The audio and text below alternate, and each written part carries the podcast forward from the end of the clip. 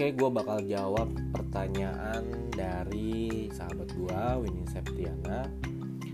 Uh, gue yakin sih sebenarnya dia udah tahu ya tentang sebenarnya gue seperti apa gitu. Cuman demi membuat sebuah konten yang menarik, jadi gue akan bantu untuk menjawab.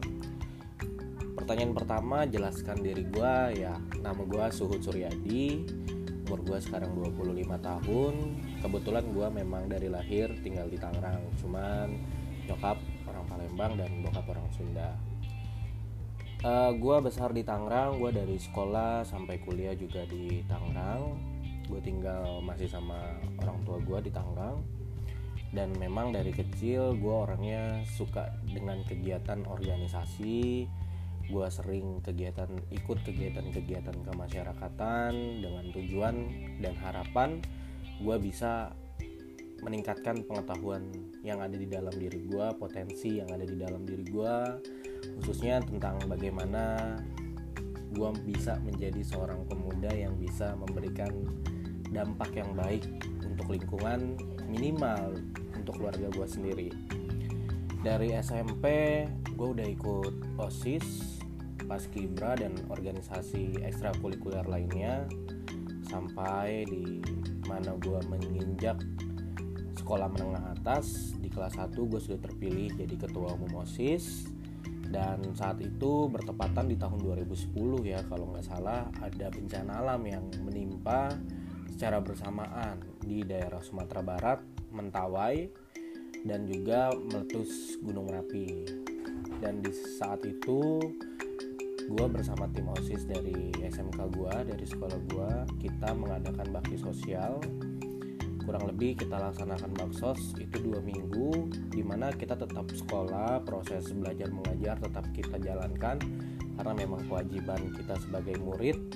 Dan setelah pulang sekolah jam 2 siang itu kita nyebar ke beberapa titik untuk meminta sumbangan lah bantuan kepada masyarakat yang ada di Tangerang Raya khususnya. Dan alhamdulillah selama kurang lebih 10 hari tim OSIS dari sekolah gue bisa mengumpulkan dana sekitar 10 sampai 12 juta rupiah. Dan itu gue sumbangkan langsung ke salah satu media televisi di Indonesia TV swasta dan diliput langsung oleh mereka. Di situ gue bangga sih karena gue merasa gue berhasil sebagai seorang pemimpin dan apa yang gue harapkan untuk jadi orang yang bermanfaat ternyata bisa gue realis realisasikan gitu kan. Jadi ya semua tergantung niat kita lah. Nggak cuma dari situ gue lanjut ikut organisasi-organisasi kemasyarakatan lainnya gue ikut komunitas pelajar seluruh Indonesia terus gue dipercaya sama sekolah untuk menjadi wakil pemilihan leader atau kepemimpinan di salah satu anak ranting organisasi Komite Nasional Pemuda Indonesia KNPI tingkat Kota Tangerang. Saat itu gue masih berusia 15 atau 16 tahun lah. Gue ikut organisasi KNPI dipilih 100 orang yang bisa ikut uh, organisasi tersebut. Maksudnya yang bisa mengikuti proses pelatihan kepemimpinan itu kita dilaksanakan di Gunung Bunder selama empat hari tiga malam dan dari 100 orang peserta itu nggak cuman anak-anak sekolah tapi juga ada beberapa mahasiswa dari beberapa universitas dan sekolah tinggi yang ada di Tangerang Raya. Dan selama pelatihan gue mendapatkan banyak ilmu dari KNPI mereka mendidik gue mereka membentuk karakter gue lebih kuat lagi mereka mengajarkan gue gimana sih caranya menjadi orang yang berorganisasi dengan baik yang gak hanya ingin menjadikan dirinya saja menjadi sesuatu. Tetapi bagaimana kita menjadi orang yang dari organisasi itu kita bisa menjadi sesuatu yang lebih bermanfaat gitu. Dan tiba saatnya saat itu setelah melewati tiga malam di Gunung Bundar ada pemilihan ketua angkatan. Kebetulan gue angkatan 8 dan dari alumni-alumni maksudnya dari senior-senior KNPI memilih gua sebagai salah satu calon kandidat ketua angkatan saat itu. Gua pun gak menyangka kenapa kok mereka milih gua gitu kan. Karena gua rasa banyak peserta-peserta lain dari 100 orang ini yang yang lebih baik dari gua. Bahkan gue lihat mereka lebih kompeten. Apalagi gue cuma anak SMA tapi balik lagi gue dikasih amanah maka gue harus mencoba dan harus menjalankannya. Gue terima tawaran itu maksudnya gue maju sebagai calon kandidat ketua angkatan KNPI saat itu.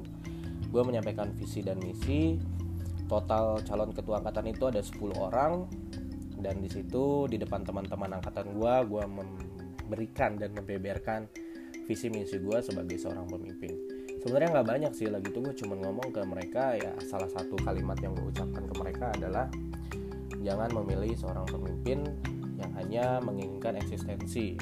Tapi pilihlah menurut kalian pemimpin yang bisa bertanggung jawab untuk organisasi ini dan mau menaungi kita sebagai tim dalam berorganisasi dan sama-sama kita menjalankan visi dan misi maju ke depan dan menjadi pemimpin yang amanah yang bisa dipercaya dan juga mampu mempertanggungjawabkan segala tindakan yang diambilnya.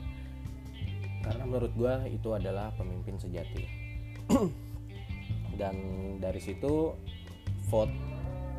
Dan ternyata gue terpilih sebagai ketua angkatan. Ya balik lagi gue nggak nyangka ya.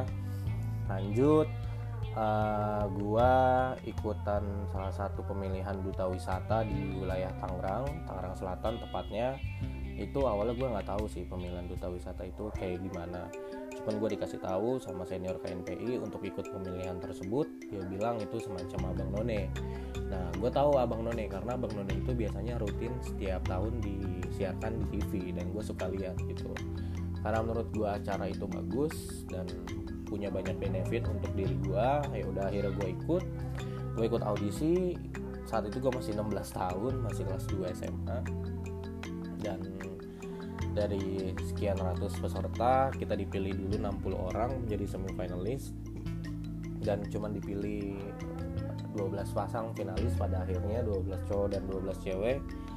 Dan balik lagi alhamdulillah Allah maha baik sama gue gue terpilih sebagai salah satu finalis di tahun 2011 itu.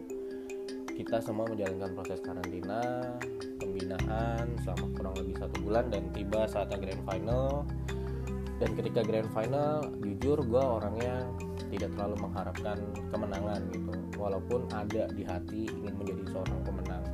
Tapi saat itu ya gue sadar diri gue siapa sih? Gue cuma anak SMA yang masih 16 tahun di mana peserta lain finalis lain itu rata-rata mereka sudah berkuliah dan bahkan mereka kuliah di kampus-kampus yang menurut gue bonafit.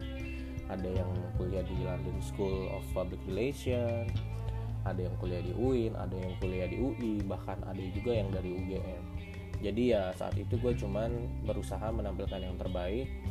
Di dalam hati gue gue tanamkan uh, di saat gue sudah memilih untuk maju maka gue harus menunjukkan yang terbaik yang ada di dalam diri gue karena gue nggak mau ngecewain orang-orang yang udah mau ngasih masukan ngasih pendapat dan juga support gue dari belakang. Dan ketika pengumuman pemenang gue terpilih sebagai juara satu. Gue sama sekali nggak nyangka. Ya balik lagi itu rezeki. Gue selalu percaya bahwa tidak ada usaha yang mengkhianati hasil gitu kan. Jadi maksudnya usaha kita itu semua akan dibayarkan. Ketika kita menjalankannya dengan tulus dengan penuh rasa tanggung jawab dan kita tidak terlalu mengharapkan hasil. Karena Tuhan itu maha tahu akan usaha yang kita lakukan nggak berhenti di situ. Gue maju ke tingkat provinsi mewakili kota Tangerang Selatan bersama dua pasang lainnya karena yang dikirim itu tiga pasang juara satu dua dan tiga. Di provinsi itu lebih hebat lagi uh, kompetisinya karena mereka yang dikirim di tingkat provinsi adalah mereka yang sudah menang nih dari tingkat kota dan kabupaten juara satu dua dan tiga dan salah satu pemenang dari kota Tangerang Selatan sendiri yaitu Winnie Septiana Sari. Winnie ini dia terpilih sebagai juara dua wakil satu nong Tangsel. Dan ketika di provinsi Winnie salah satu nong yang masuk uh, eh, 10 besar nong provinsi Banten tahun 2011 luar biasa memang. Dari Tangsel anyway uh, ketiga nongnya itu masuk 10 besar. Dan gua sebagai salah satu perwakilan Kang Tangsel juga alhamdulillah masuk 10 besar dan pada akhirnya gue membawa gelar harapan satu atau juara keempat. Ya not bad lah buat anak sekolah yang masih 16 tahun kompetisi sama mereka yang udah notabene mahasiswa dan berkuliah di kampus-kampus yang bonafit dan yang udah punya nama. Dan gak berhenti di situ di tahun 2012 balik lagi gue dikasih kepercayaan sama dinas budaya pariwisata Banten untuk menjadi wakil Banten di dalam konferensi nasional duta budaya dan pariwisata Indonesia. Kita berkumpul mewakili Banten gue sendiri. Di situ kita kenal satu sama lain antar provinsi seluruh Indonesia. Dan dari situ gue belajar banyak. Wah ternyata organisasi itu merupakan hal yang tidak ada batasnya gitu. Mungkin sebelum gue ikut banyak kegiatan gue cuma berpikir oke okay, organisasi itu cuma segelintir orang yang berusaha untuk mewujudkan visi dan misi. Tapi ternyata uh, eh, gue salah perkiraan gue kurang tepat gitu. Ternyata organisasi itu tidak memiliki batas. As long as kita mau mencoba kita mau explore kemampuan di dalam diri kita maka lu juga bakal nemuin hal-hal baru dan lu juga bakal ningkatin kemampuan yang ada di dalam diri lu secara otomatis kayak gitu dan uh, dari penugasan-penugasan organisasi itu juga gue punya banyak pengalaman karena gue dikirim ke beberapa daerah untuk mengikuti kegiatan kepemerintahan lah. Intinya gue sebagai duta wisata yang turut serta masuk ke dalam kegiatan itu gitu. Kalau nanya politik ah gue nggak bisa jawab sih karena menurut gue politik itu sesuatu hal yang sulit ditebak gitu. Tergantung bagaimana kita mau menyikapinya nah pertanyaan keempat ini setuju nggak pendapat gue bahwa terjun di politik itu bisa buat kita lebih impactful sama banyak orang?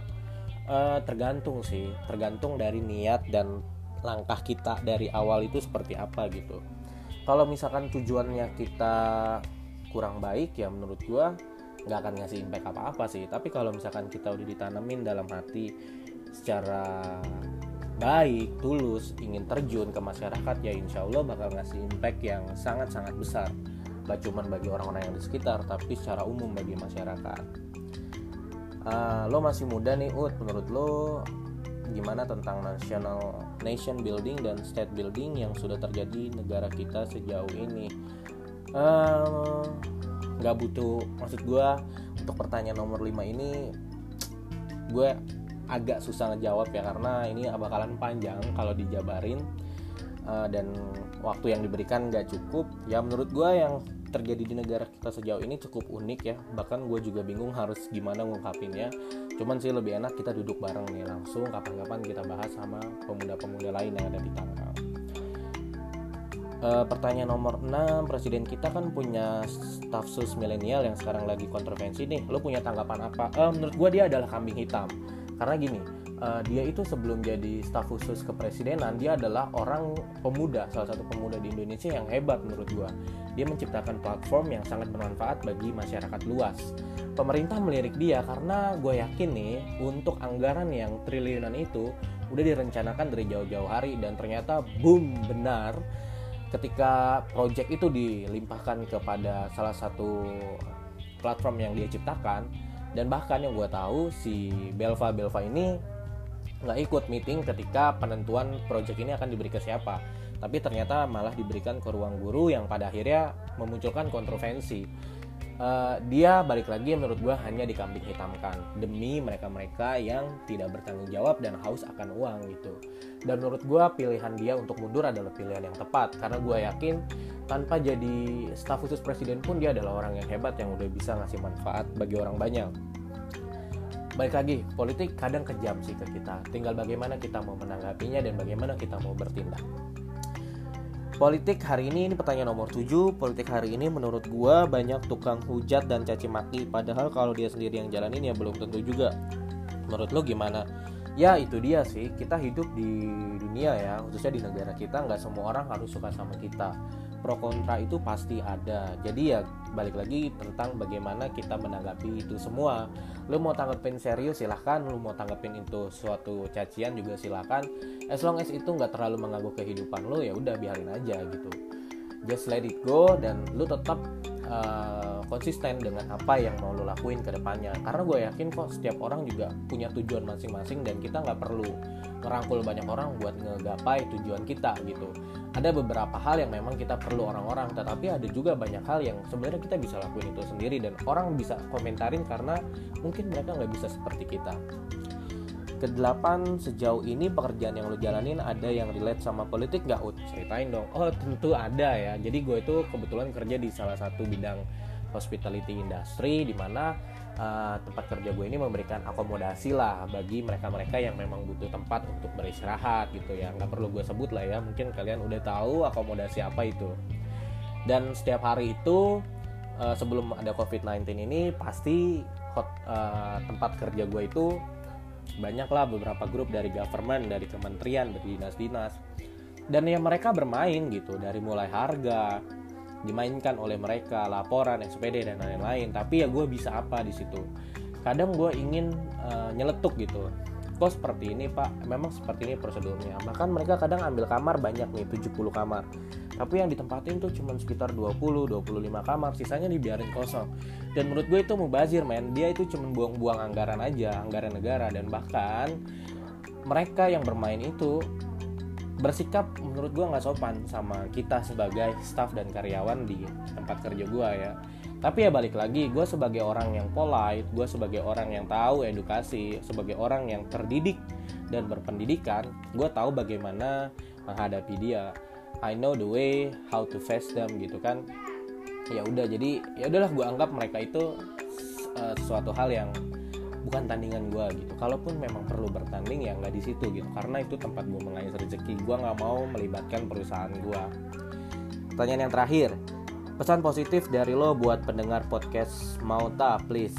Uh, ini podcast sangat bagus dan buat kalian wajib dengerin karena gue yakin Mauta ini bakal mendistribusikan sesuatu hal yang unik, hal yang memang wajib didengarkan bagi khususnya nih kaum milenial. Karena ke depannya gue yakin Mauta ini bakal menjadi salah satu platform podcast di Indonesia yang bakal ngasih kita banyak pengetahuan lebih tentang apa sih politik itu apa sih pemuda apa sih peranan kita sebagai masyarakat dan bagaimana kita sebagai manusia harus bisa berperan di lingkungan yang ada gitu udah cukup menjawab uh, eh, 9 pertanyaan yang udah dikasih. Thank you so much ini untuk waktu yang lu berikan untuk ngasih gue pertanyaan ini. Luar biasa. Dan semoga ke depannya kita bisa terus kolaborasi ya. Oke okay, thank you